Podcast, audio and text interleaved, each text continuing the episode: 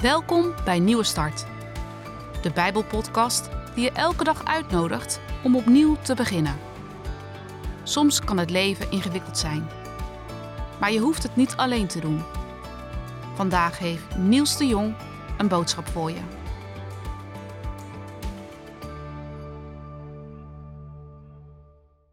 In deze tijd van het jaar zijn er allemaal van die jaaroverzichten die terugblikken op 2022. Er zijn ook van die sportjaaroverzichten. En ik vermoed dat daar ook wielrenner Mathieu van der Poel in voorkomt. Enerzijds om de overwinningen die hij dit jaar heeft behaald, anderzijds om een vreemd incident rondom het WK wielrennen in Australië. In de nacht voorafgaand aan die wedstrijd werd Mathieu van der Poel kwaad op een paar irritante meisjes in zijn hotel die op deuren aan het kloppen waren. Van der Poel verloor zijn geduld en joeg die meiden de stuip op het lijf. Politie kwam erbij en in plaats van broodnodige nachtrust zat Van der Poel op een Australisch politiebureau. De volgende dag stapte Mathieu van der Poel al vroeg in de wedstrijd af. Natuurlijk, vreselijk irritant die meiden. Maar had hij zijn geduld nou maar bewaard. Geduld is een schone zaak. Zo luidt een heel oud spreekwoord. Ik kan het mis hebben, maar in onze tijd zou zo'n spreekwoord over de waarde van geduld niet zo snel bedacht worden. In onze tijd wordt vooral snelheid gewaardeerd. Dat je dingen snel weet te krijgen. Dat verwachten we vaak. En in zo'n wereld van snel, snel, snel worden we natuurlijk niet geduldiger. We hebben de tijd niet om te wachten. Of althans, dat denken we. En dan kunnen we ook niet goed hebben als we omwegen moeten maken of obstakels op ons pad krijgen of moeilijkheden. Dat vinden we lastig. En zo groeit het ongeduld.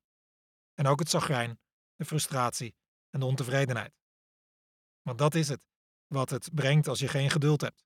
Frustratie, zagrijn, ontevredenheid.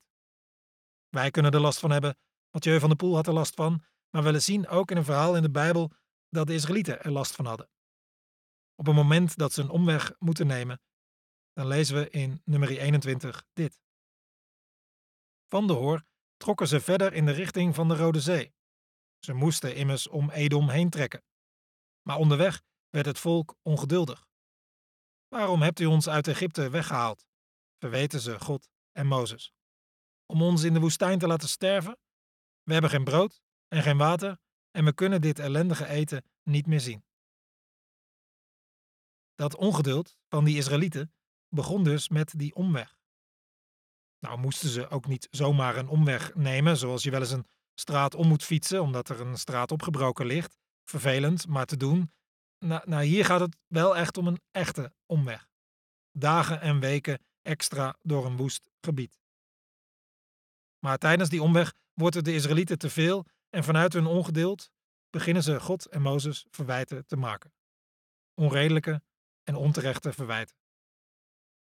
Maar met hun geklaag missen ze ook de kans die de omweg hen bood. Namelijk om weerbaarder en sterker te worden. Want sterk en weerbaar word je pas als je met omwegen, obstakels en moeilijkheden te maken hebt gehad. En natuurlijk, dat kost tijd. Maar als je er niet toe bereid bent om die tijd te nemen, als je vervalt in ongeduld en geklaag, dan ontwikkel je die dingen niet. En dat is zonde. Echt zonde. Want je hebt die dingen nodig. Wil je een goed mens zijn? Wil je sterk staan? Wil je iemand zijn waar God en anderen op kunnen bouwen? En dat is goed voor ons om te beseffen. Je kunt niet vandaag kracht en weerbaarheid bestellen om dat morgen in bezit te hebben. Dat kost tijd. Want belangrijke dingen als betrouwbaarheid, moed, kracht, weerbaarheid, die komen er alleen gaandeweg. En vooral groeien ze dwars door tegenslagen en omwegen.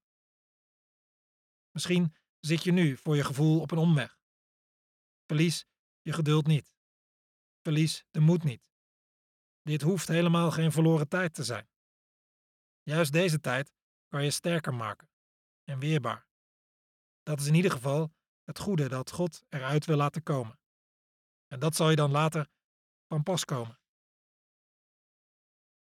Bijvoorbeeld in die toekomstige situatie waarin het erop aankomt. Of bijvoorbeeld in die toekomstige fase in je leven waarin je maar al te zeer kracht nodig zult hebben. Het grote voorbeeld van dat omwegen niet voor niets zijn, is Jezus Christus. Ook voor hem was zijn levensreis niet zonder moeilijkheden of zonder omwegen.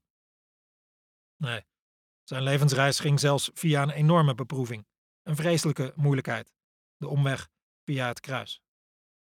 Maar Jezus kon verder kijken dan dat kruis. Ergens in de Bijbel staat dat hij wist van de vreugde die voor hem in het verschiet lag. Jezus zag de vreugde voorbij de omweg, voorbij de beproeving. En hij hield vol. En dat is de belofte van de Bijbel. Dat is het goede nieuws. Er ligt een vreugde voor je klaar. Ongekend. Maar het gaat via omwegen. Verlies je geduld niet.